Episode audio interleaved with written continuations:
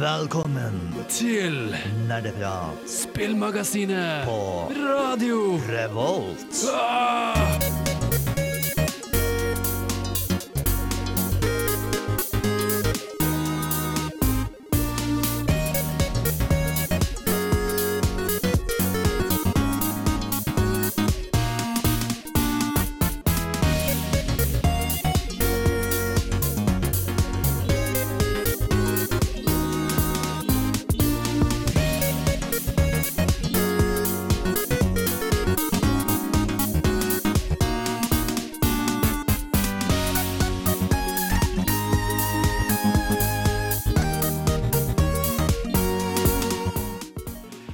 Hei og hallo og velkommen tilbake til en ny episode med Nerdprat. Det er faktisk en ny episode i dag. Du hørte rett. Vi er tilbake i studio, eller noen av oss er vel kanskje tilbake i studio. Vi kan starte med å introdusere oss selv. Eh, mitt navn er Håkon.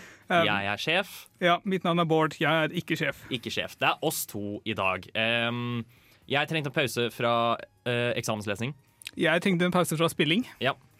Eh, Tai og TM fikk seg ikke tid til det, så de er ikke her. Men eh, jeg og Bård sier bare fuck dem. Vi kjører vår egen greie. Så vi skal ha sending i dag.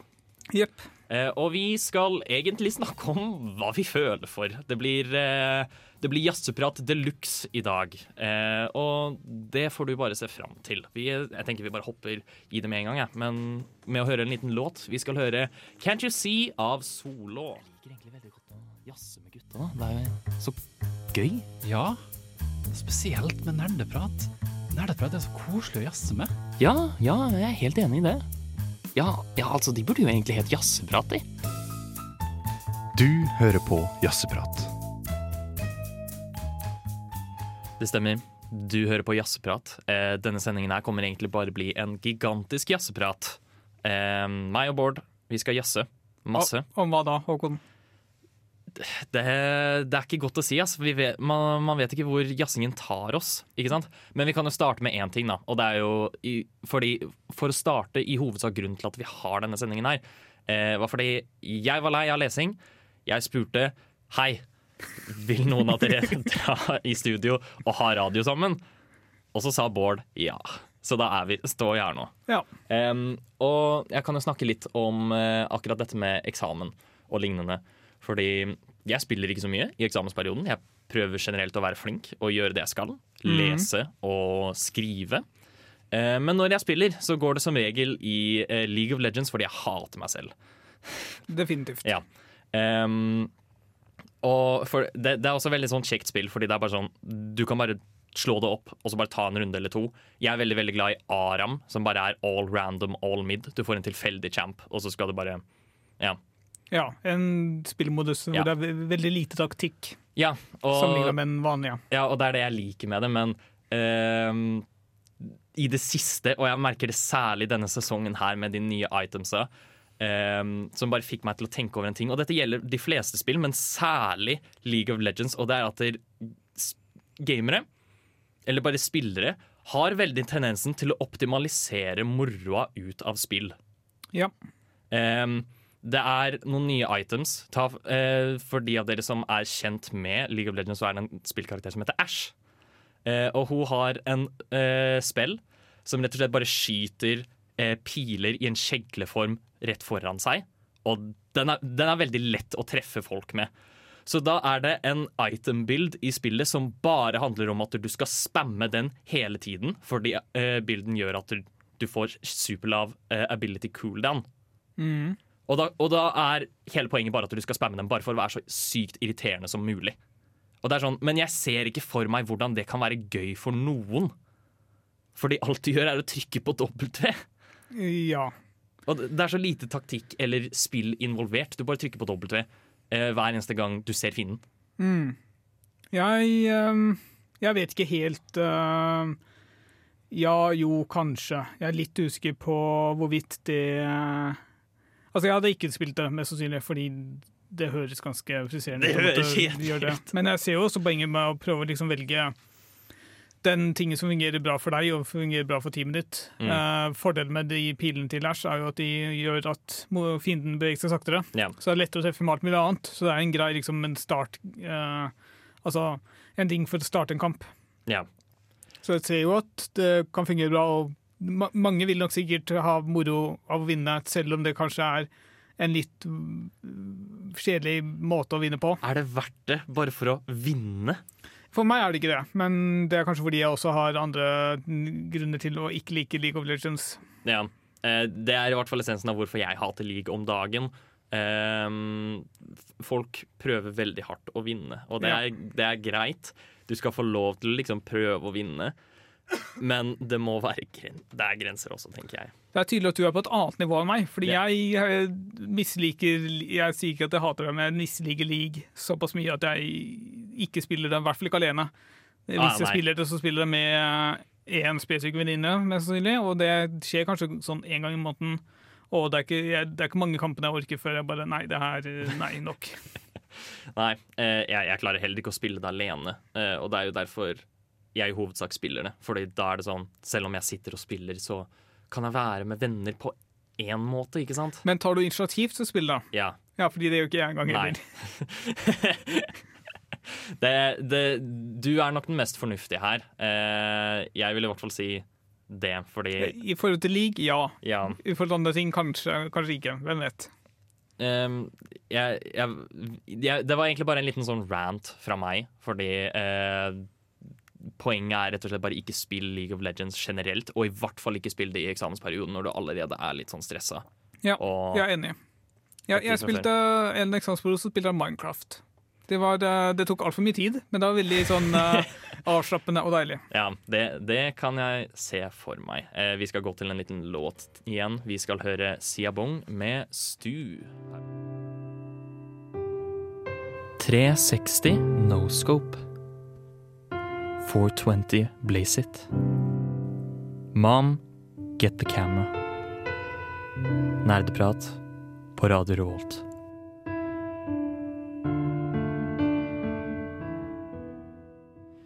Ja, vi er fortsatt nerdeprat, og vi jazzer fortsatt. Um, vi, kom, vi gikk så vidt innom uh, hva vi har spilt, eller hva jeg har spilt. Jeg har spilt League of Legends. Uh, trist. Triste nyheter. Men Bård har jo faktisk spilt masse, masse. Altfor mye. Ja. Jeg ikke noen listen over den låten, og så nå skal jeg faktisk prate om noe jeg ikke engang hadde på den listen. Starte med det, fordi det er kanskje et av de mer interessante spillene jeg har lyst til å fremheve. Fordi det virker ikke som det får nok, får nok oppmerksomhet. Kanskje også fordi det er utrolig dyrt å spille, men ja, ja. Eh, Det spillet jeg har lyst til å snakke om, er Arkham Horror The Card Game. Okay. som er eh, et kortspill, men kan også sammenlignes med brettspill. Det er et slags brettspill uten brett, fordi kortene får gjerne en statisk posisjon på bordet, som gjør at du ikke alltid har dem liksom kun på hånda. Så det, måten det fungerer på, er at du er du og en partner, jeg tror også det støtter liksom fire spillere, kanskje til og med enda flere, eh, skal eh, etterforske noe. Jeg er gjerne satt i da Arkham-universet, som for de som ikke vet, er basert på eh, li litteraturen til HB Lowcraft. Mm. Så du og en partner er etterforskere. Du har masse, eh, noen kort som ligger på bordet som da er lokasjoner. Så du starter på en lokasjon som liksom scenarioet beskriver. Og så sier, er det masse tilleggstekst veldig godt skrevet, og så får du liksom en agenda som sier at det her er måten ting blir verre på, og liksom skriver liksom beskrivelse på hvor ille ting er. Som du kan liksom du kan eksempel starte med at okay, du er på et skummelt, mørkt rom, du, du hører noen lyder i bakgrunnen og sånne ting, og så hvis ting går og du ikke får noen framgang uh, andre steder spillet, så vil jo da den begynne å liksom tikke, og så vil du det kortet liksom blir ferdig, så snur du og så leser du videre, og så bygger du et narrativ på den måten. Men i tillegg så har du en akt som er liksom din fremgang mot målet, hvor du liksom skriver at ok, du starter, du må finne ut, finn nøkkelen eksempel. Altså når du finner nøkkelen som ikke er en nøkkel fordi spillmekanisk gir ikke det mening, så avanserer du da det kortet, snur det, leser på baksiden, og så finner ut hva neste mål er å gjøre da. Jaha, du følger et narrativ. Ja, definitivt. Men du spiller også mot andre spillere? Nei, du spiller med andre spillere mot spillet. Ja, OK. Så det du gjør på forhånd er at du velger deg en nettforsker, du setter sammen en bunke med kort som du spiller med, og så trekker du da fem kort. Så spiller du gjerne eksempel gjenstander som kan hjelpe deg, gjøre deg sterkere. Du kan spille eksempel kort som flytter deg rundt, eller som unngår angrep, sånne ting. Ah, Så altså, fordi det er såpass sterkt narrativ, så vil jeg si det har mindre gjenspillbarhet enn mange andre spill. For eksempel, det er jo veldig likt for eksempel Eldritch Horror. Bare at Eldritch Shore har ikke noe ordentlig narrativ. Det er bare Narrativet der eksisterer på kort du trekker tilfeldig fra bunke. Mm. Mens her er det et ordentlig narrativ som er godt skrevet og godt liksom gjennomført. Uh, uten å spolere altfor mye. Et av scenarioene jeg har spilt gjennom ikke veldig nylig, men ish nylig, da bevegde man seg gjennom et tog, eksempel og skulle prøve å liksom komme seg fram i toget før det var for sent. ja, fordi det er flere mulige narrativ du kan følge. Altså, det er en hel historie. Du starter med Ja, liksom ja, ikke eh, Hver sykkel har en boks som liksom introduserer nye etterforskere og nye kort, og så har det seks tilleggspakker som liksom for å fullføre en åtte scenarioer lang kampanje. Ja. Og det er også derfor kostnaden kommer inn, da, fordi hver tilleggspakke er sånn 180 kroner sånn på Outland. Uh, startpakken er kanskje noen 300-400 eller sånt, det husker jeg ikke. Det er lenge siden jeg kjøpte en av dem. ja, så det var som du nevnte, litt pricy, ja. Ja, men hvis du kanskje spiller én uh, scenario om kvelden, så er det kanskje 180 kroner for to eller fire spillere på en kveld. Som Ja. er helt grei. Så kan du spille gjennom på nytt også. Det har mindre gjenspillbarhet, men du kan liksom øke vanskelighetsgraden, velge en annen nettforsker. Og det finnes også en egen sett som er liksom for å spille gjennom på nytt med noen forskjeller, som du kan kjøpe i tillegg. ja. Hvordan er det sånn mekanisk, holdt jeg på å si? Du nevnte at korta ikke alltid bare var på hånda di. Nei, altså Du spiller kort for som liksom er din, ditt utstyr som du bruker i spillet, men du kan også bruke spill, eh, kort for å liksom påvirke miljøet. Eksempel, dette spill, det kortet spiller jeg for å flytte meg fra et sted til et annet, Ja, som å, jeg egentlig ikke kunne ja. gjøre.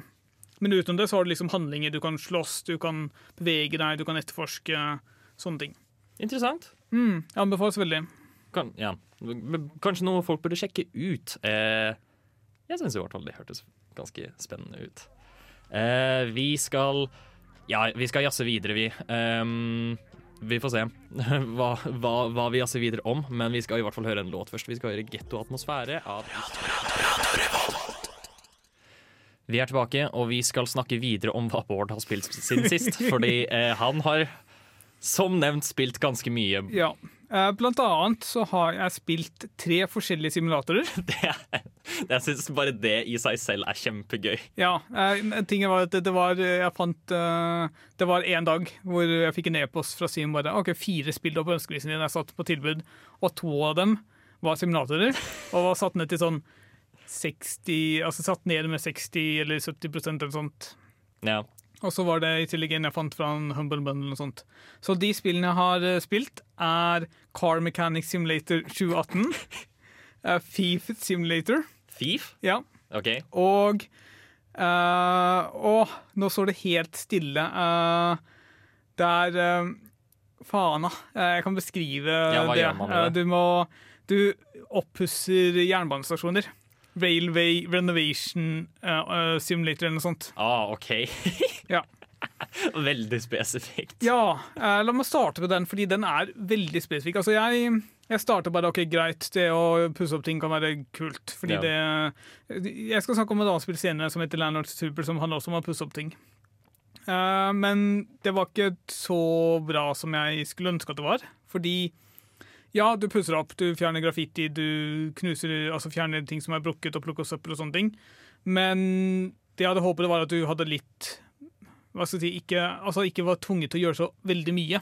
Fordi liksom i introen så står det eksempel når du er ferdig med den opplæringen, så sier han ok, nå kan du enten si deg ferdig, eller så kan du fullføre jobben. Og så bare tenkte jeg ok, jeg vil si meg ferdig, jeg vil heller bruke tiden på å finpusse alle stasjonene helt til slutt, når jeg liksom har låst opp ekstra verktøy og sånne ting. Men da jeg prøvde dette på første oppdrag, så bare Nei, du får ikke lov til å avslutte, du.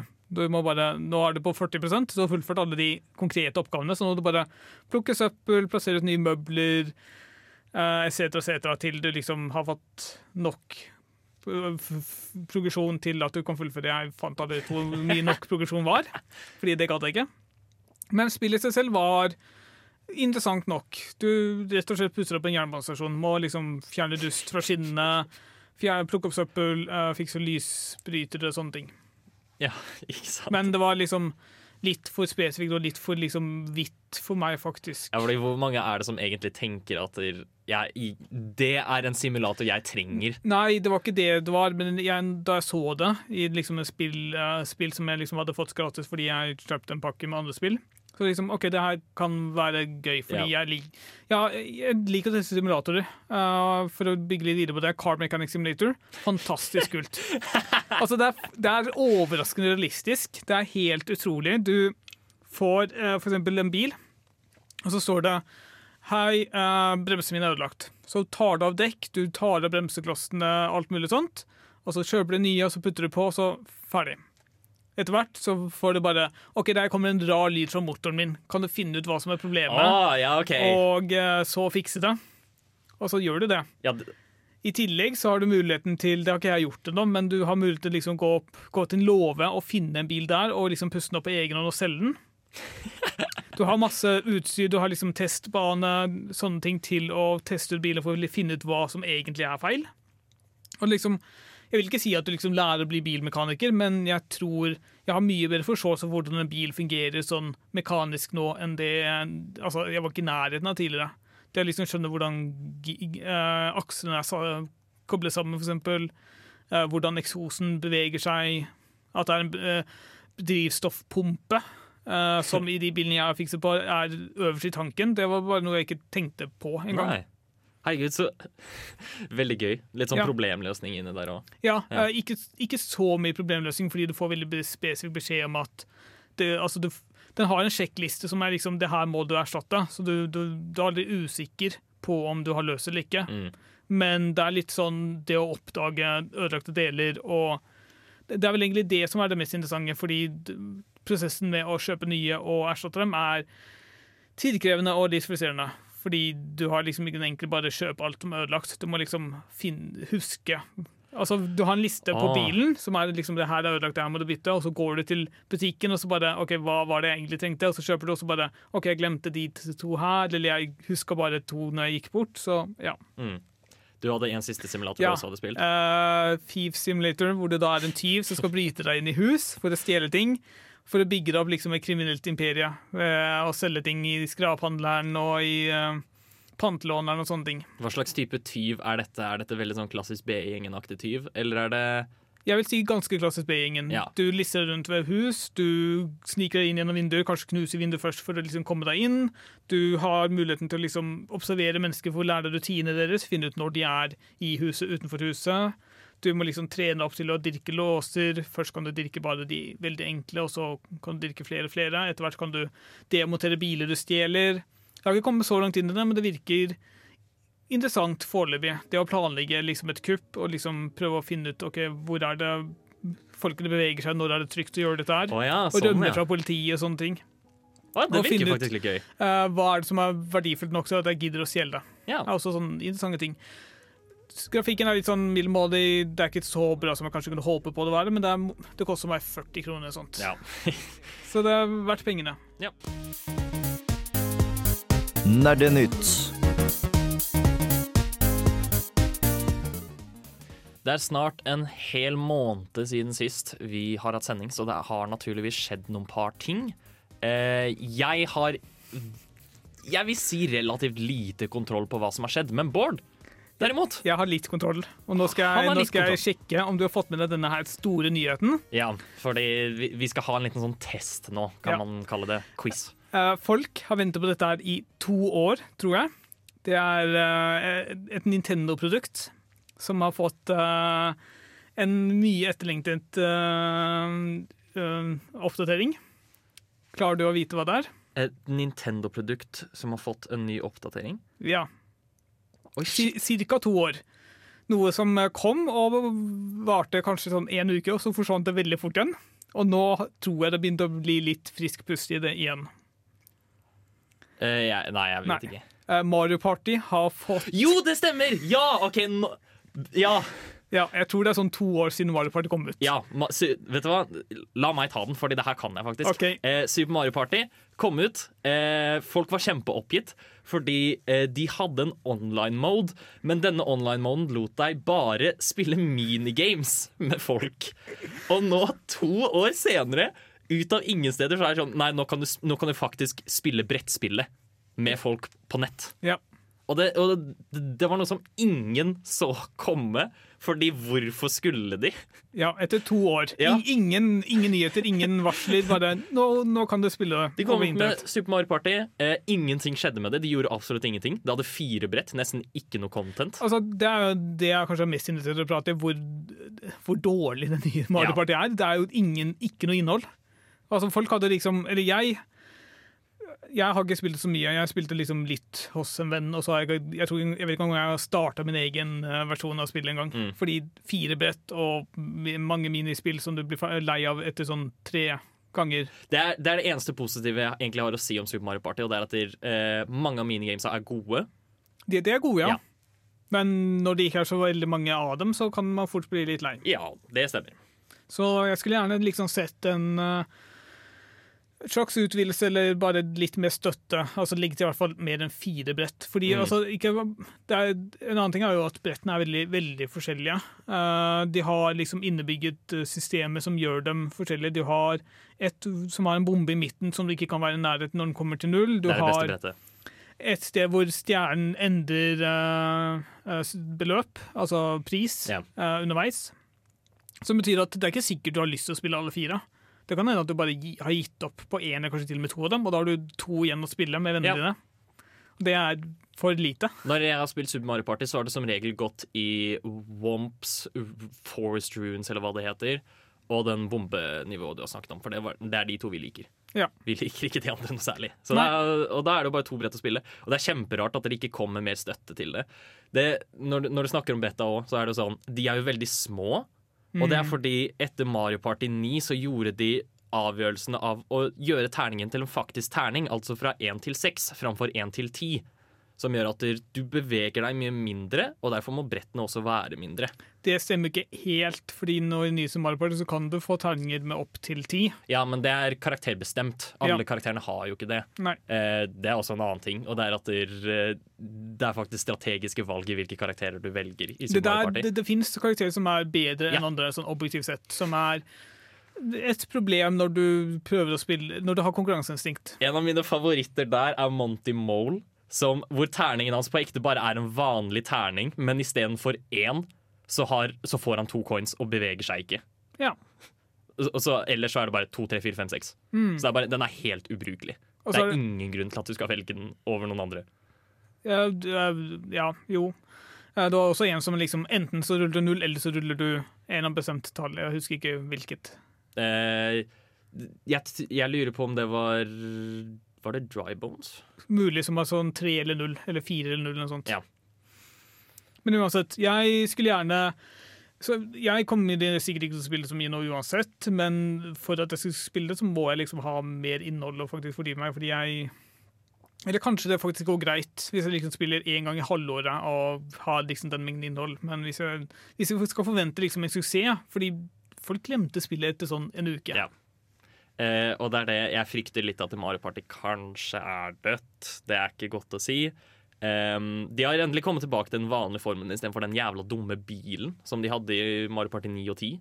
Jeg aner ikke hva du snakker om engang. Eh, vet du hva, jeg, vi skal, jeg skal ikke gå så veldig inn i det, men de har i hvert fall gått tilbake til den vanlige formelen. Men de har fortsatt ikke laget et bra Mario Party-spill siden syv. Eller det her tror jeg er bra. Altså, de det er gode tegn. Det er liksom Brettene er liksom individuelle og sånne ting, men de skulle hatt mer. Ja, de skulle hatt mye mer. Ja. Halla, snuppa! Vil du være med og høre på nerdeprat? OK, her kommer jeg. Ja, vi er tilbake, og vi skal Avbryte nyhetene for en interessant hypotese Ja. jeg nettopp kom opp med. Ja. Jeg tror kanskje at Nintendo har gitt ut alle spillseriene sine på Switch bare for å liksom ta igjen for VU. Wii U. Du mener altså de gamle spillene som var på Wii U? Nei, jeg Eller- mener at fordi Wii U gjorde det så dårlig, Ja. så har de tenkt at bare, okay, vi skal lansere alle seriene våre på Switch, sånn at alle har, eller de som er kun interessert i den serien, har en grunn til å kjøpe Switch.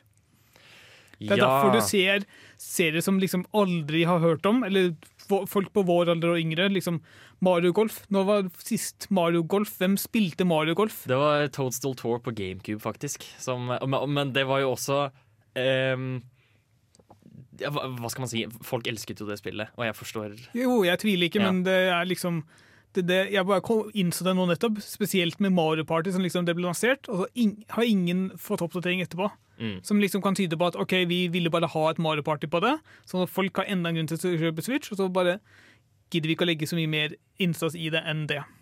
Ja, ja du, du sier noe der. for Fordi, så altså, Når var sist Mario Tennis? Ja, ja, jeg har ikke fulgt med så godt på Nintendo. Det, var, kan hende det var nydelig. Ja, det var, det var uh, på Switch. Ja, de, de, Før Switch. Eh, Wii U. Ok, Så det var på Wii U, Ja. men Wii U gjorde det dårlig, som alle vet. Ja. Ja. Um, de, det er ingen Ma- Mario Tennis-spill som har vært bra siden GameCuben heller, da. Nei, ikke den nye heller. Jeg tror det er greit. Ok, ja. Det er greit, men ja, jeg skjønner hva du mener. Eh, det kan jo også ses på som De, de porta jo også veldig mange andre spill fra Wii U-en til Switch. Eller holder på, sånn som med Skyward Sword. Ja. Det var liksom det å- åpenbare valget å velge for en gjenlansering. Mm. Ikke å putte eksempel Windwaker HD på Switch. Nei, nei, la oss eh, ikke gjøre det. Fordi ingen liker Windwaker HD, eller hva? ja. De, herregud, de kom også med Twilight Princess HD. Gjorde de det? Ja, på Wii U-en. Men eh, det, Og jeg tror det var helt i slutten av Wii U-ens levetid, så du bare fikk ikke sett noe om det. Men hvorfor? Det er jeg ikke helt sikker. Hvor, fordi det er, kan da umulig ha vært en så stor forbedring. Hvorfor ikke bare vente til når de Det var bare HTM, Det var ikke noe annet. Men når de vet at de har en ny konsoll på horisonten, hvorfor Jeg er- ikke bare vente? Ja. Jeg er ikke helt sikker. Eh, men, men jeg forstår hva du mener, fordi Mario Party var veldig sånn fin der. Eh, på, du, du ser på eksempel Pokémon Sword and Shield også. Det var naturlig at det neste steget var å gå til Switchen når den er bærbar, men samtidig, det var liksom sånn De kom med den, og så var den ikke så veldig bra. Og så var det bare sånn Nei, nå, vi har Pokémon på Switch, dere. Men, dere eh, Switchen? men Pokémon har liksom en naturlig grunn, fordi Pokémon kommer alltid ut med liksom regelmessige Ja. intervaller og kommer alltid ut på liksom en Nintendo-konsollen. Jeg tenkte mer på liksom, ja, seriene som har ligget ganske dødt, og som bare plutselig eksisterer. OK, men da spør jeg spørsmålet Nintendo. Hvor er Mario fotball? Hvor er Mario Strikers? Eh, det, Hvor er det? det kommer om et halvt år. Jeg håper det. Jeg har veldig lyst på nytt Mario Strikers. altså, et annet poeng, eh, Pokémon Snap. Også en helt død Ja. spillserie som plutselig nå blir gjenopplivet. Det, det, det er også veldig gøy, fordi det, det spillet hadde vært perfekt for Wii U Gamepaden. Ja. Eh, men de kom ikke med den der. De venta til Switch. Ja, For å være helt, eh, De venta jo lenger enn til Switch. Switchen er vel sånn tre år gammel Ja. nå. Ja. Men de, hadde de hatt insentiver for det, så kunne de lett lansert det på VU med godt eh, med, altså, med god spillbarhet, i hvert fall. Mm. Men de så vel på markedsandelen at det ikke var noe poeng i det. Ja. Så igjen, jeg tror de prøver liksom å ta igjen den tapte tiden med VU og tapte inntekter og sånt. Prøver liksom å gjenreise litt håp. Ved å lukke til seg så mange folk som mulig. Ja. Ved å være sånn Oi, se på alle disse gamle spillscenene som du var så glad i. De er på Switch. Ja. Kanskje du også skal få deg en Switch, så kan du gjenoppleve det på nytt. Og så er det egentlig alltid det samme. Fordi det, plutselig så er det Super Mario Party, og så er det bare veldig halvferdig gjort. Og så Ja. får det aldri noen oppdateringer. Men Pokémon Snap var bra, da. Pokémon Snap var veldig bra, faktisk. Eh, jeg koste meg masse med det. Hva har fire bein om dagen og seks bein om natta? Jeg vet ikke, men uh, hør på Radio Revolt. Radio Revolt. Da skal vi snakke om nyheter. Vi skal snakke mer om nyheter, ikke bare Mario Party denne gangen, faktisk. Ja. Ehm, jeg skal veldig veldig kjapt nevne um, På tirsdag så kom det ut et nytt spill som heter Biomutant. Hvordan er det spillet? Uh, Biomutant er uh, det, er en, det er et open world-spill uh, i en eller annen postapokalypseverden hvor du styrer en liten rotte. Ehm, Biomutant i en, navnet, altså. Og, så, og det prøver å være litt Devil May Cry og noen par andre spill eh, i combat-systemet, i hvert fall. Eh, samtidig som det skal være en åpen, fin verden som i Breath of the Wild. Men det har fått veldig blandede anmeldelser. Folk syns at spillet er litt tomt. Det, det, er, det er sånne store sekvenser hvor du bare går uten å møte noen som helst fiender. Altså Red Dead Redemption 2? Ja. Eh, um, og så mangler combaten den omfen de beskrev den skulle være. Så det er litt leit, fordi folk hadde sett veldig fram til dette spillet. Og det virket jo som De var veldig ambisiøse, utviklerne i hvert fall. Eh, så vidt jeg har forstått, så har de tenkt til å ta tilbakemeldinger for hva som kan forbedres i spillet, Ja. og prøve å fikse det. Det er jo alltid mulig de det blir fikset. Det er Ja. ikke første gangen uh, spill har blitt fikset på i etterkant. Mm. Um, Men i hvert fall for de som var nysgjerrig på dette, eh, så kan det være lurt å vente lite grann, kanskje. ja. Ja. og det passer godt med et eventuelt salg i fremtiden. Med nyheter? Ja, eh, jeg kan jo snakke litt om eh, Fordi jeg husker om det var i går eller forgårs, så leste jeg på Reddit at eh, Skull and Bones, som er et eh, piratspill, så vidt jeg husker, fra Ubisoft, har starta utviklingen for tredje gang. altså andre omstart av utviklingen.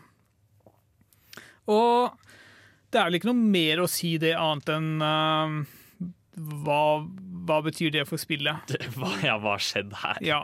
Uh, folk på Reddit, uh, som jeg eh, kan si meg litt enig i, um, det mener at det kan tyde på at de egentlig ikke vet hvordan de skal lage dette spillet. Mm. Selv om uh, de visstnok har fått ganske god tilbakemelding på at vi vil ha Black Flag Assassin's Creed 4 Black Flag, bare mer sjørøverting, eller mer piratting, Ja. er det spilleren har sagt.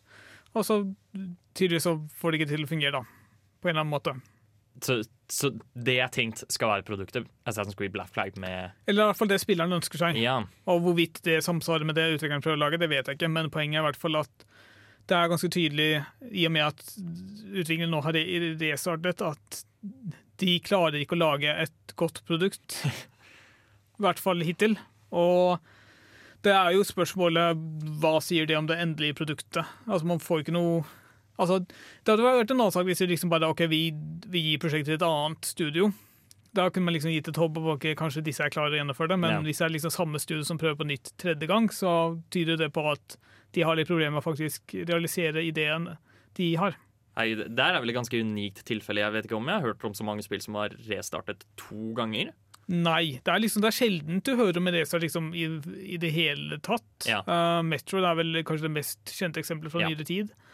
Men det at du liksom skal ha det to ganger, og i tillegg det er liksom Det skal være spill som er inspirert av Black Flag, som kom ut i type 2013 eller 2014, tror jeg. Noe der. Det er liksom det er syv år siden, og så klarer de fortsatt ikke å liksom lage bra versjon av det. Eh, kan jeg spørre, vet du når Skull and Bones var annonsert? Cirka? Nei, det vet jeg ikke sånn her og nå, men mens vi prater, så kan jeg jo se om jeg får søkt det opp. Ja. Uh, men det er i hvert fall eh, et spill jeg har hørt en del om ganske lenge. Uh, eller kanskje ikke så lenge, men uh, lenge nok til at det var feil artikkel jeg fant. Eh, I hvert fall på Steam. Jeg har, den har en side på Steam hvor uh, utgivelsesdato er soon. Uh, når det ble annonsert, det skal jeg da prøve å finne ut. Men det er i hvert fall uh, et interessant case of development hell her, da. De vet ikke helt hva de skal gjøre med spillet. Jeg har annonsert tidlig 2019, så det er jo type okay. to år på å gjenstarte tre ganger. Eller ca. ett år per Osh. iterasjon. Det var voldsomt òg, det. Ja. Men altså, vi kan jo også kanskje prate litt mer om Fordi Ubisoft er litt merkelig situasjon akkurat nå. De har ikke så mange nye spill, tror jeg. De rider bølgen på Assassin's Creed og litt på Rainbow Six Siege, som ikke vet helt hvor suksessfullt det egentlig er nå. Men Mm. hva annet har det egentlig å bidra med sånn i det siste? I det siste der Hadde ikke de en Battle Royale? Hadde ikke sånn Hyper et eller annet som skulle konkurrere med Det er, det er, det er dårlig tegn at jeg allerede har glemt uh, at det eksisterer. Ja. eh, jeg vet ikke, helt ærlig. Eh, de, fordi de pleier jo vanligvis bare å liksom gå for sånne sikre ting som å komme ut med nytt eh, Assassin's Creed. Nytt Assassin's Creed eller Far Cry eller lignende. Stemmer, de har jo Far Cry også, Ja. som har gjort det ganske greit i det siste, tror jeg. Ja, men eh, ja, jeg, jeg kan ikke si at jeg har hørt så mye nytt fra dem i det siste. Ikke at IE har så veldig mye nytt heller, men det virker som de er litt mer suksessfulle. Uh, Mass Effect har fått ganske mye ros, for Ja. den, Ja, gjenutgivelsen, stemmer. så det er veldig godt å høre. Ja. Uh, vi får eh, krysse fingrene for Skull and Bones, at det kommer til å gå fint. Ja. V- hvis det blir kult, da. Og det håper vi jo at det blir. Martin, gutten min, du må komme deg middag! Å, mamma! Jeg kan ikke sette på pause nå! Jeg er midt i en heftig episode av Nerdeprat! Det stemmer. Du hører på Nerdeprat. Vi er Spillmagasinet på Radio Revolt, og vi snakker om videospill. Vi snakker om Vi, vi jazzer i dag. Ja. Eh, og det er et spill til du har lyst til å snakke om, ikke sant? Det er, det er mange spill jeg Ja. har lyst til å snakke om, og et av dem spesielt heter Landlord Super. Uh, det er også en Hva? simulator Ja. en type. Ja, OK. Uh, du våkner opp i, et, um, i en uh, campingvogn, heter det vel på norsk, um, hvor du liksom har fått bekreftelse om at ok, du har kjøpt en tomt med et uh, jeg vil, jeg, vil- det er Falleferdig ikke riktig ord for å beskrive boligen på det. Det er kanskje mer sånn under konstruksjon. Mm. Så um, du får liksom beskjed om at du har et lån, du har skylder masse penger og må liksom finne ut en vei ut av dette her. Så uh, går du ut av campvogna, så, der, så går du bort til tomta, der er det en person som prøver å bryte seg inn. Uh, en såkalt skaus. Uh, så får du vite det etter hvert. Ja, jeg vet ikke hva det betyr. Det er eh, sikkert en, eh, kanskje en alkoholiker eller noe Ja, for, sånt. fordi apropos grammatikk eh, Ja. Denne låta her Nei, hva var det? D- Dette spillet, her. er satt til 1980-tallets England, Ja. med en del fremmedord som jeg ikke forstår meg på. For å si det mildt. Men atmosfæren er helt fantastisk. Det føles Selv om jeg aldri har vært i 1980-tallets England, så føles det ut som det er 1980-tallets England. Mm. Type rundt, altså type Ganske lignende Liverpool, liksom der du Det er filmen til eh, Der filmen uh, Billy Elliot og sånt var satt til. Veldig Ja. mye av det samme utseendet og sånt. Uh, bebyggelsen og sånne ting. Uansett. Du går inn til sentrum for å prøve å finne deg jobb, eh, sånn at du kan få økonomi til å bygge opp dette huset som eh, du nettopp har kjøpt. Og der finner du annet en eh, jobbannonse fra han samme fyren, og da skal du robbe et hus. Og så skal du få betalt etterpå av han da, så klart. Uh, så viser det at etter han huset, bare at nei, han hadde ikke nok penger likevel. Han hadde så vidt nok penger til å komme seg fram og tilbake til sk- skraphaugen, så gir deg en thriller istedenfor. Og der starter liksom eventyret ditt. Du skal kan enten bruke trillebåren din til å liksom stjele materialet som ligger litt sånn strøtt rundt i byen, eller så kan du tjene inn penger og kjøpe dem nytt fra butikken. Og så vil han personen også hjelpe deg å liksom finne ut hvordan du faktisk skal bygge opp ting. Eh, første um, oppgaven din er å liksom lage, legge fundament. Det vet jo ikke du hvordan du gjør, så han skriver, lager en beskrivelse. Forteller ikke blandingsforholdet på sementen du skal bruke, nei. Så klart ikke. Men han sier at du trenger sementmiks, du trenger noen planker for å liksom lage et, uh, noe for å liksom holde det oppe, og så Det er det. Mm. Så veldig, veldig god atmosfære, veldig kult det at du bygger et hus liksom fra bunnen av. Eh, Du har andre spill som eksempel House Flipper, men der liksom bytter du kledning og sånne ting, maler og sånne ting. Her er det liksom mer fra bunnen opp. Du legger fundament, du murer en vegg, du legger tak, eh, du kan sette vegger innad, sånne ting. Og så er jo eh, Formålet er jo da å bli leie, utleier, sånn at du kan ha en passiv inntekt på dette. Her. Og så er jeg litt usikker på om du kan gjøre det med flere hus etter hvert. Jeg har kommet veldig kort i spillet.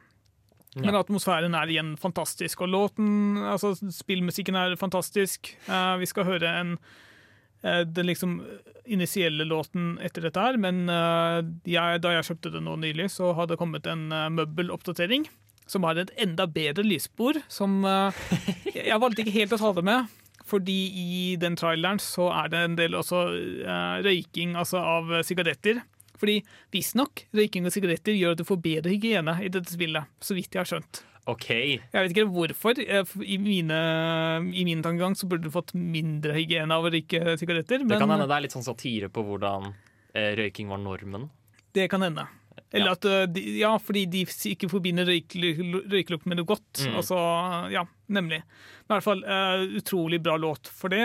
Men denne her er også ganske god. Du ville høre en del fremmedord i denne her også, bare sånn at det er sagt sånn på forhånd. Ja, eh, interessant. Jeg tenker vi bare kan gå rett på den. Eh, så her får dere da en av låtene fra Landlord Super. Ikke fuck med meg! Jeg har kraften til Gud og nerdepappa på min side. Men hæ?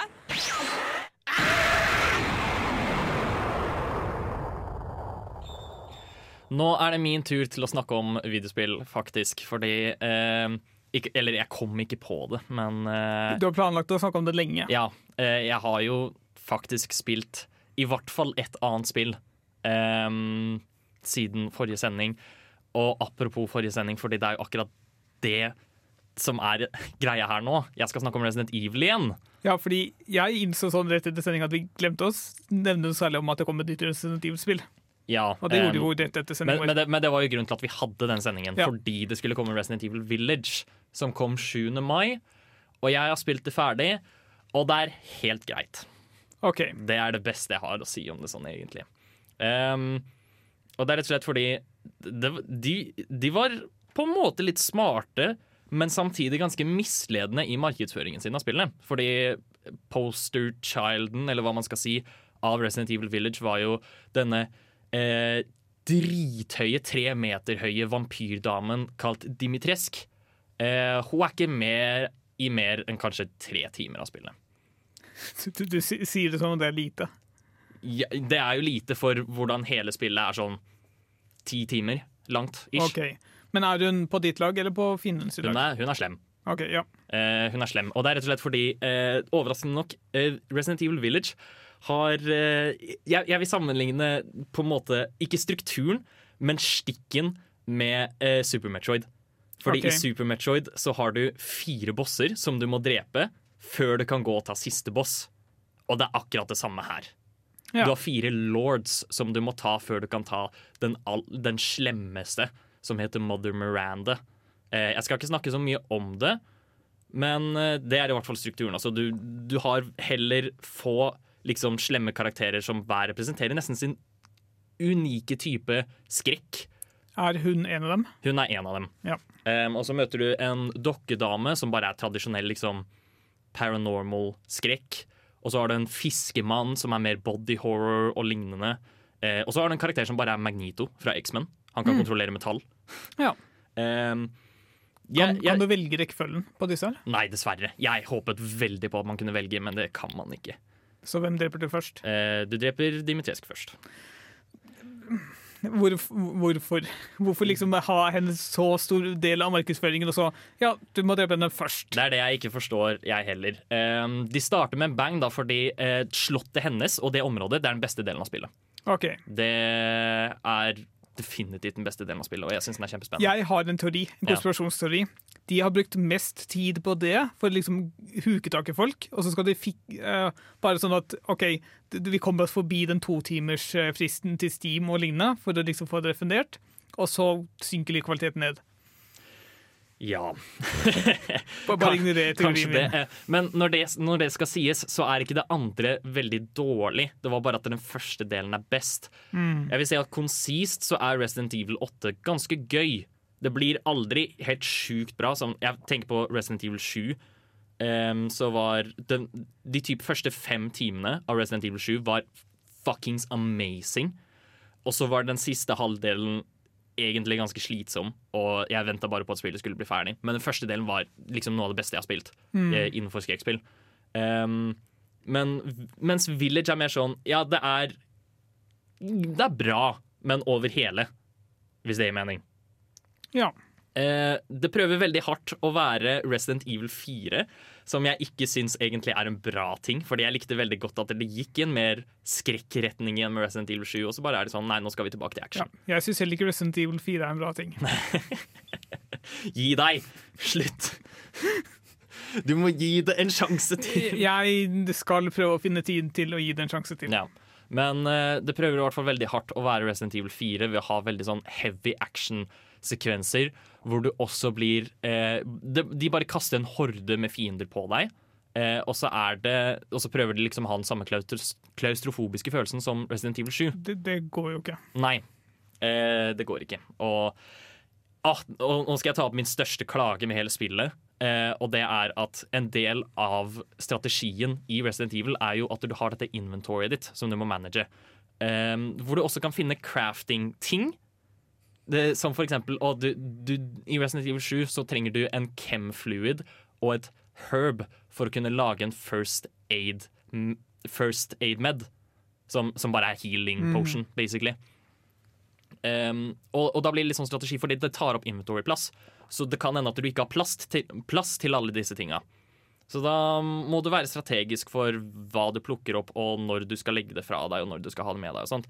Her separerer de det til en egen crafting-ting. Så du bare har materiale, og det tar ikke inventory-plass i det hele tatt. Så jeg, gikk- jeg ble aldri full på inventory, så jeg slapp å manage det i det hele tatt. Mm. Og det syns jeg er en dårlig ting, Fordi det betyr at jeg bare kunne plukke opp hvert eneste item jeg fant. Så, og, det, og det var veldig lite sånn derre frykt for at jeg kom til å gå glipp av noe. Ja. Og det syns ikke jeg er så bra. Det er jo åpenbart liksom et spillmekanisk forskjell som Det er tydelig at de går litt bort fra overlevelsesaspektet til mer bare sånn Eller det er på en måte samme overlevelsesaspekt, men de, de, de vil heller at du skal klare liksom ha nok liv til å overleve dette sammenstøtet her, istedenfor å liksom ha nok eh, ressurser til å overleve over lang tid. Ja, ja nettopp. Eh, det, det viser seg for øvrig også i ammo-greia, fordi jeg spilte på hardcore, som er hard. Eh, hvor jeg, jeg som regel hadde nok ammo, og det skal man egentlig ikke i Resident Evil. Uh, men det kunne være sånn å jeg møtte en boss, og så mista jeg masse masse ammo, men så får du det fort tilbake igjen. Ja. Og, det, og det er jo kjedelig. Mm. Det, man, skal, man skal føle seg hjelpeløs, og det følte jeg meg egentlig aldri Nei. i Resident Evil Village. Så men det er et underholdende spill, og jeg ble underholdt. Ja. Så derfor sier jeg at det er helt OK. Eller det er, det er bra. Ja. Greit. Ja.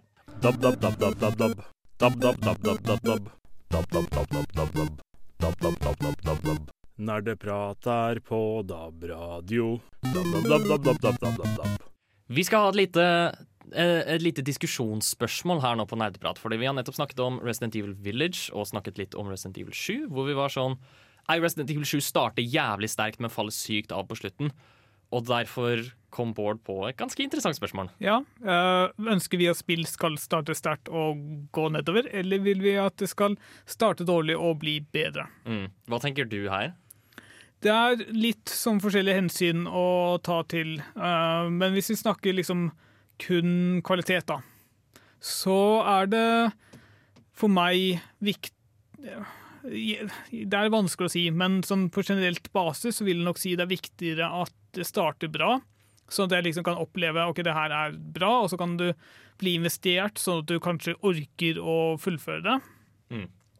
Og hvis du ikke orker å fullføre det, hvis, du ikke, liksom, hvis ikke det gode er nok til å holde på deg, så kanskje du bare innser at nei, jeg har bedre ting å gjøre.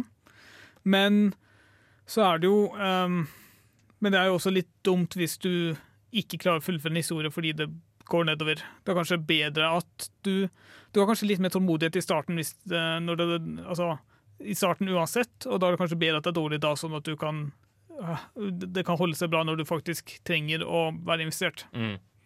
Um, jeg tenker på Det, det er to uh, spill jeg har liksom i hodet mitt nå, i det du Mm. snakket om dette.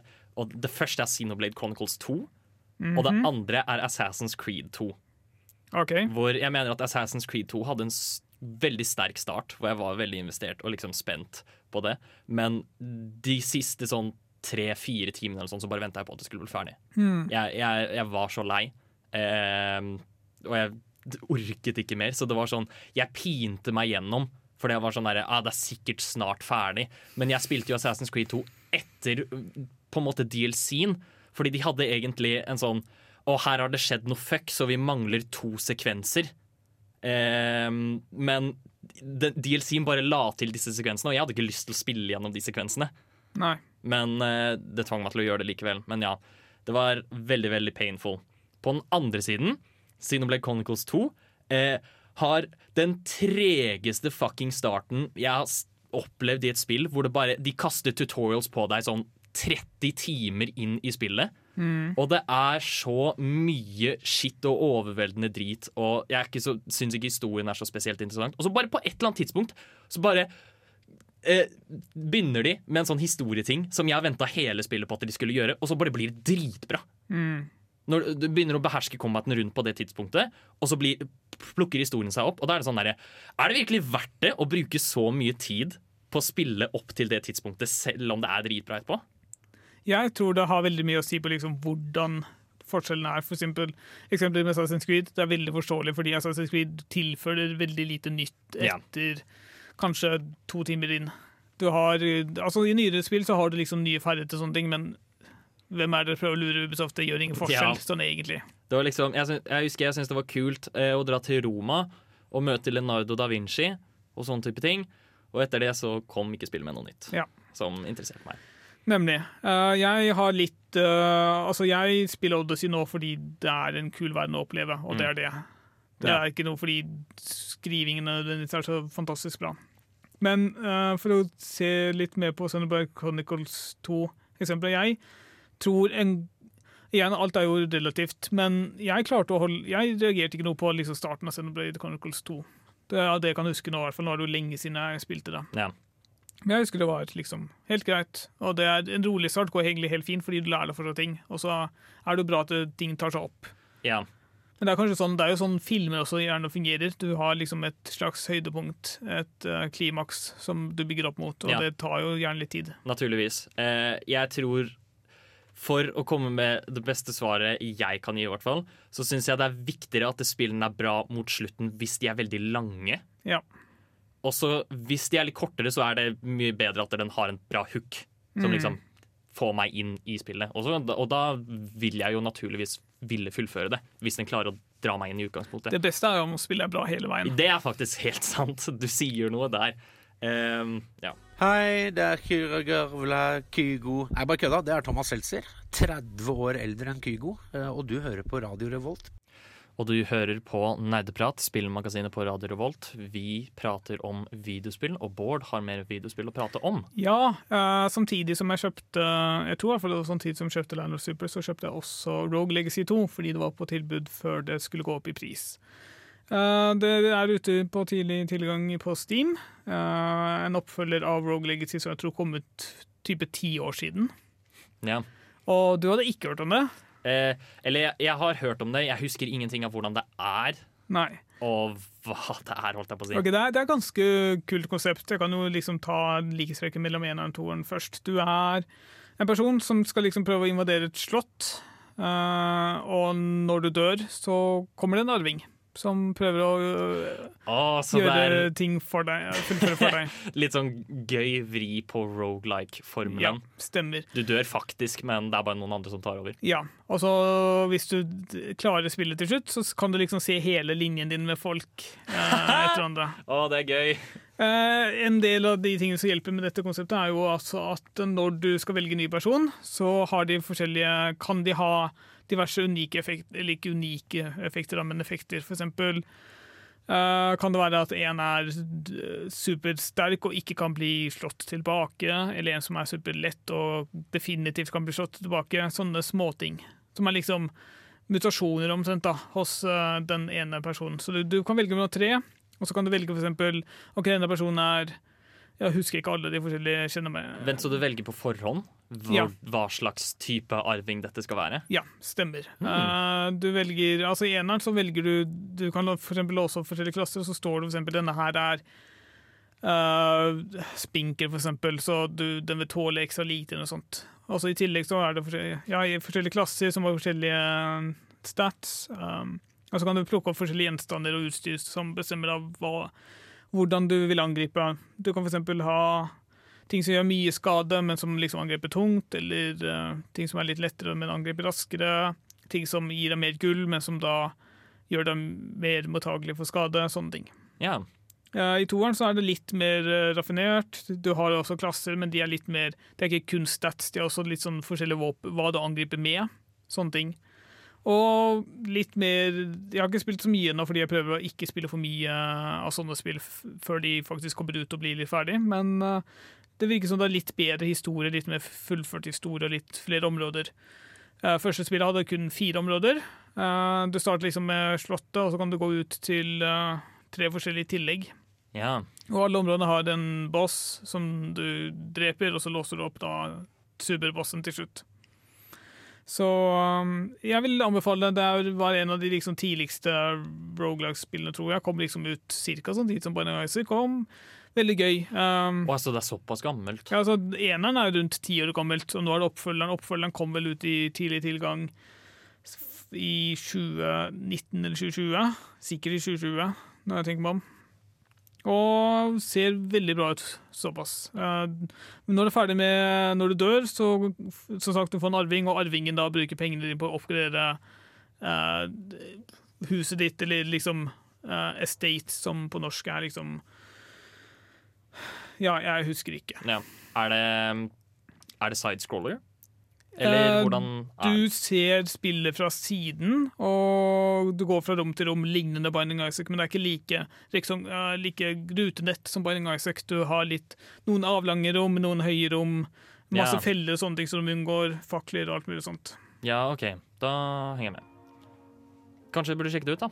Jeg tror du kunne likt det, ja. Ja. Spesielt eneren er veldig billig når du finner på salget nå. Vi skal nå høre fra en mann som er veldig langt unna hva han syns om programmet Nerdeprat på Radio Revolt. Nerdeprat er veldig gøy! Vi snakker om nerdeting og dataspill! Sånt liker jeg!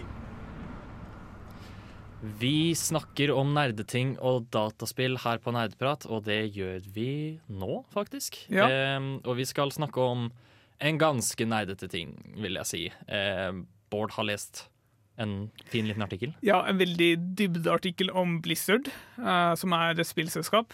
Slå sammen om Activision, uh, for det heter Activision Blizzard, men vi, vi ignorerer Activision fordi uh... Ok, En av de tingene som kom fram i artikkelen som jeg synes var ganske interessant, også er jo at Blizzard er liksom lillebror i den gruppen der.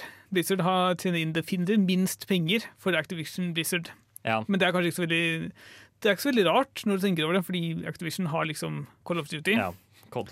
Men når jeg liksom tenkte på det før det, så tenkte jeg det kan umulig være så lite. Fordi de har jo World of Warcraft med masse, masse ja, abonnenter og sånne ting, og, som har pågått siden liksom 2004. Ja. Men uh, noen av de tingene som Eller artikkelen var egentlig bare hvordan Blizzard hold, bare kontinuerlig mister talent, og det er jo noe vi har sett ganske lenge. Uh, nylig så var lederen for Overwatch gikk ut og sa at han trekker seg fra jobben. Uh, de har mista liksom noen av de store navnene.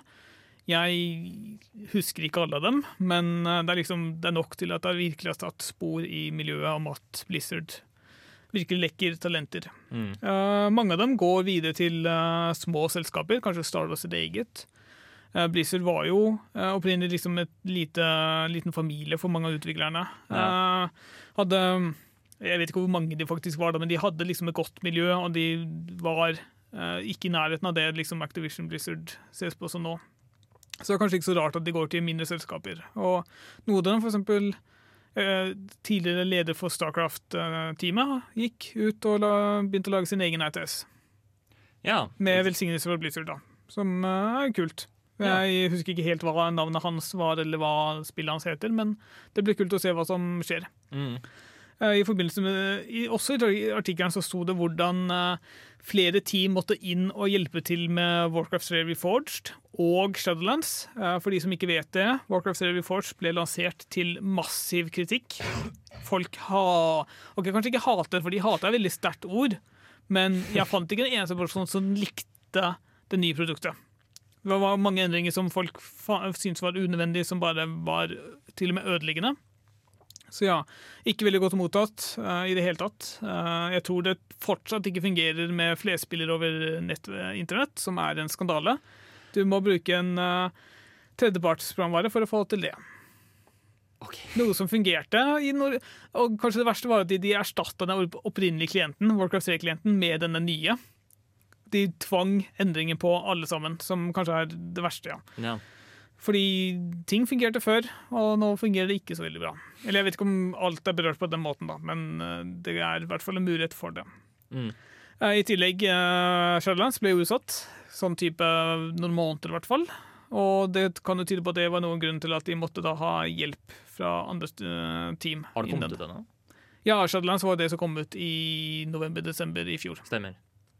Eh, som apropos, eh, det har fortsatt ikke fått sin eh, første nye innhold.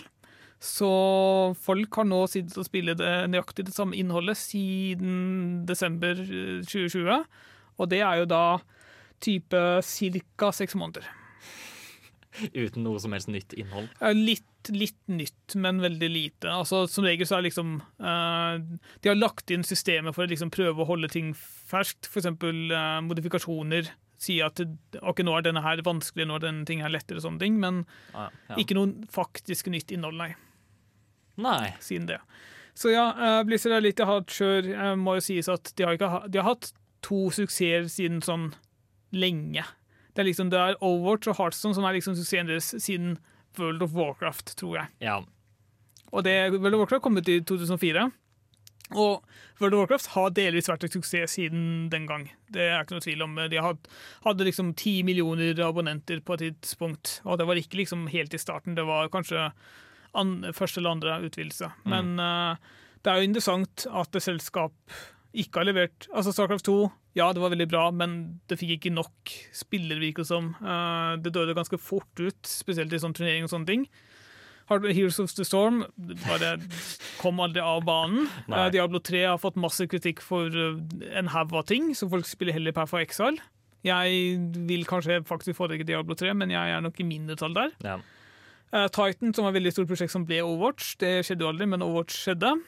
Uh, Overwatch 2 kom jo til og med. Men det har blitt utsatt igjen, tror jeg. Å ja, såpass? Jeg vet ikke, men Overwatch 2 er fortsatt ganske langt unna. Selv om jeg, vi hørte om det for sånn et år siden, så er det fortsatt langt unna, sies det.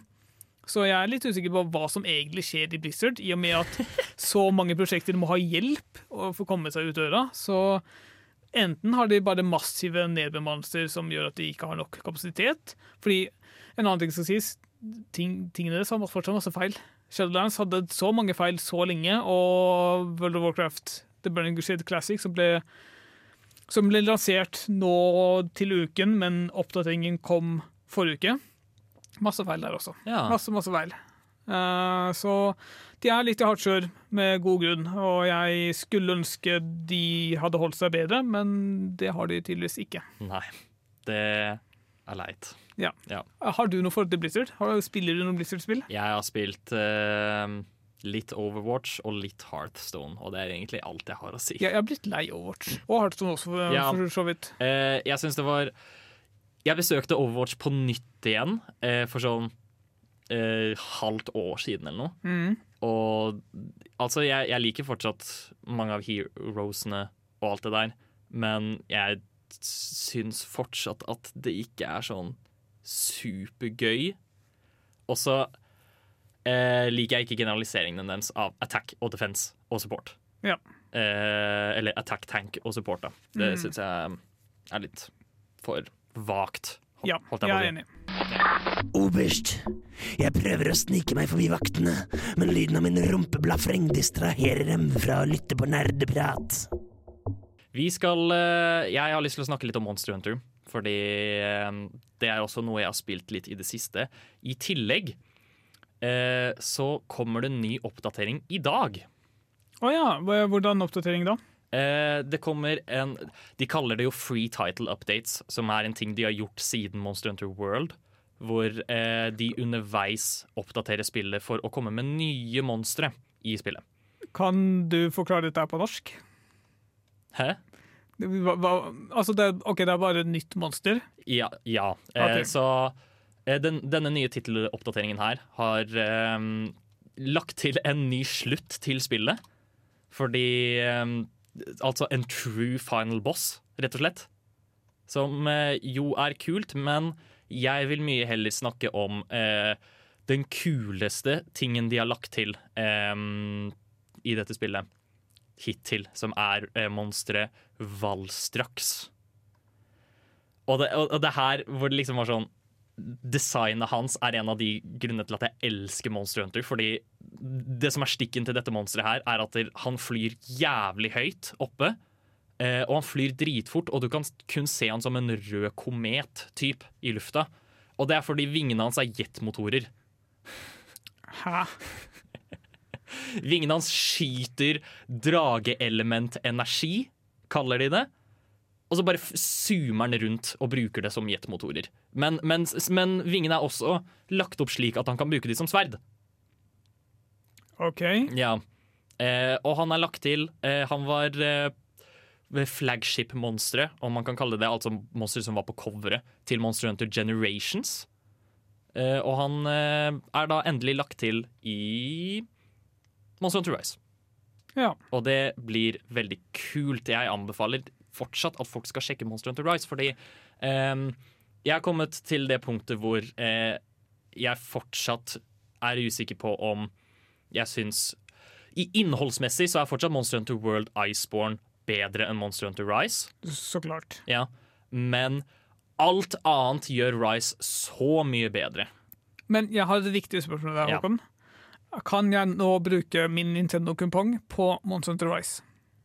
Jeg tror det. Det, det kunne jeg ikke da det ble lansert. Hvorfor ikke?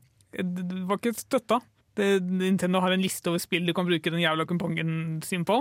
Det var ikke et av dem. Oh, ja, nei, det, det, vet jeg veldig lite om. Ja, men fordi, eh, for de som ikke vet det, eh, dette er ikke noe reklame for eh, Nintendo. Det er bare et ganske greit system. Du kan velge å kjøpe to kuponger for eh, jeg husker ikke, billigere enn to spill. Ja. Og så bruker du kupongen på, på et liksom fullprisspill. Så jeg brukte en av dem på Super Mario 3D Allstars, og så leter jeg etter hva å bruke den siste på. Og jeg skulle gjerne brukt Monster Hunter Rise, men det var ikke mulig da jeg prøvde. Du kan da prøve en gang til. Det kan godt hende det er fordi det er Capcom. I don't know.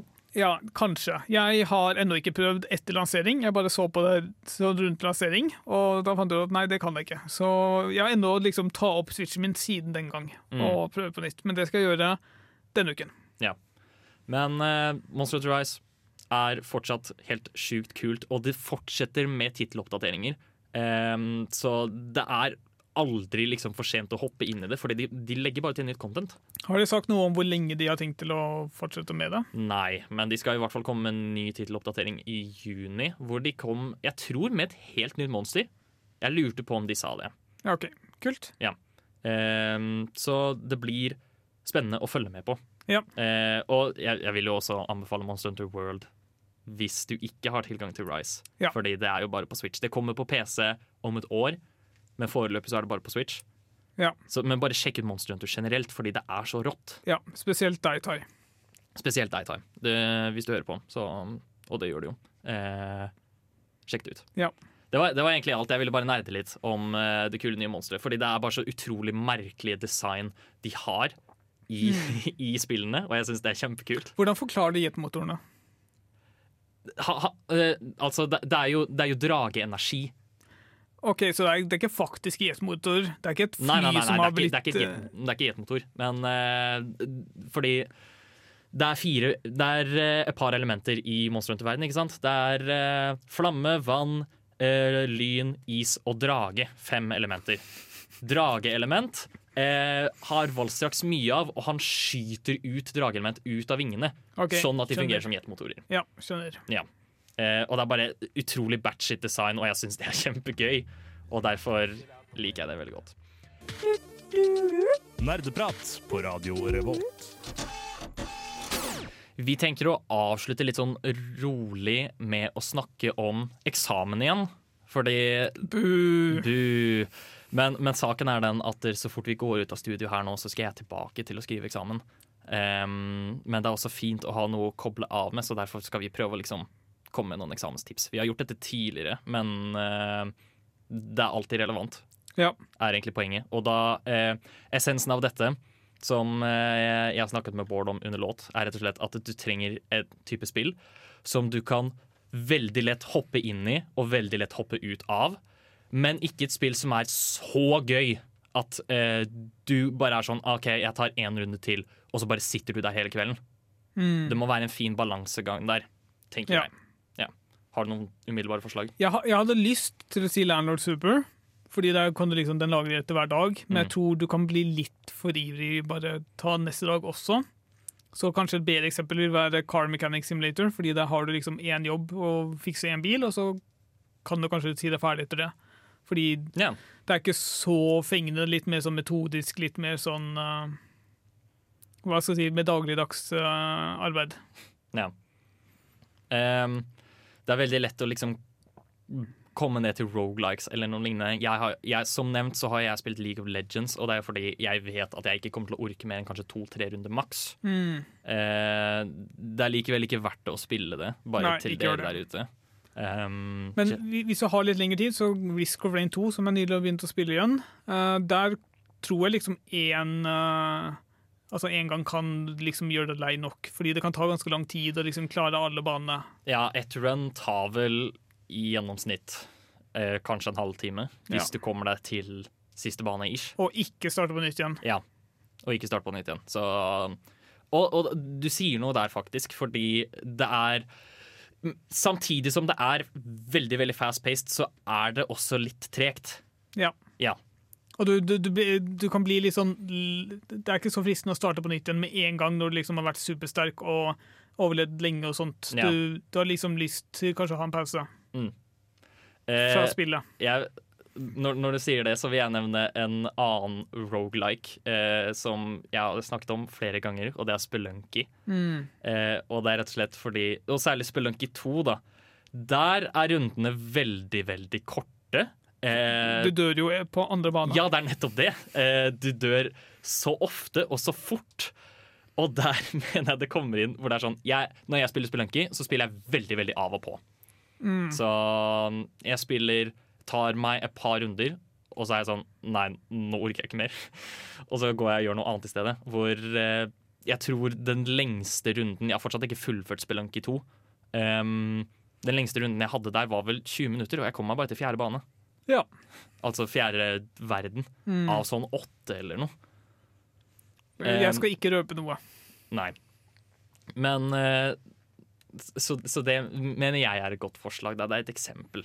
Risk of Rain 2 syns jeg også var veldig, veldig kjekt. Mm. Um, jeg vet ikke om jeg kommer på noen andre. Nei, uh, ikke ærlig. Jeg kunne sagt Warframe, men det er også samme faren for å bli hekta på ting. Mm. Det Ja, jeg kan jo ta um, en personlig anbefaling òg, da. Um, Super Mario 64. Én stjerne, liksom. Ta, Eller ta, ta en verden. spill. Ja, ta en verden, ja. Ja. Og så, og, så, og så sier du det er ferdig. Det er ganske effektivt, det òg. Hva er det du liker best ved studentradioen? Jeg hører alltid på studentradioen. Da er vi i mål her på Nerdeprat. Vi har jazzet som bare faen i dag. Vi har hatt noen interessante diskusjoner, da. Noen interessante diskusjoner, men eh, i stor grad jazzing. Ja. Og det, og, men det går helt fint. Eh, jeg syns i hvert fall dette har vært veldig avslappende og et utrolig stort Uh, Utrolig deilig med litt sånn avstressing og bare koble av fra eksamen i Og spilling. Og spilling. Så det, det var jo det vi hadde for i dag. Eh, dere kommer mest sannsynlig til å få en sending av oss senere, om noen par uker. Kanskje sånn to eller tre uker til. Minst tre. Minst tre uker til. Minst tre, ja. Um, hvor vi kanskje snakker om våre favoritter dette semesteret her innenfor spillverden. Mm. Ja. Det ikke bare spillverden nødvendigvis. Ikke bare spillverden nødvendigvis. Å, Og foreshadowing. Ja. Spennende. Dere får høre på, men foreløpig så sier vi adjø. Her får dere Louien med Deep Within. Du har lyttet til en podkast på Radio Revolt, studentradioen i Trondheim. Sjekk ut flere programmer på radiorevolt.no.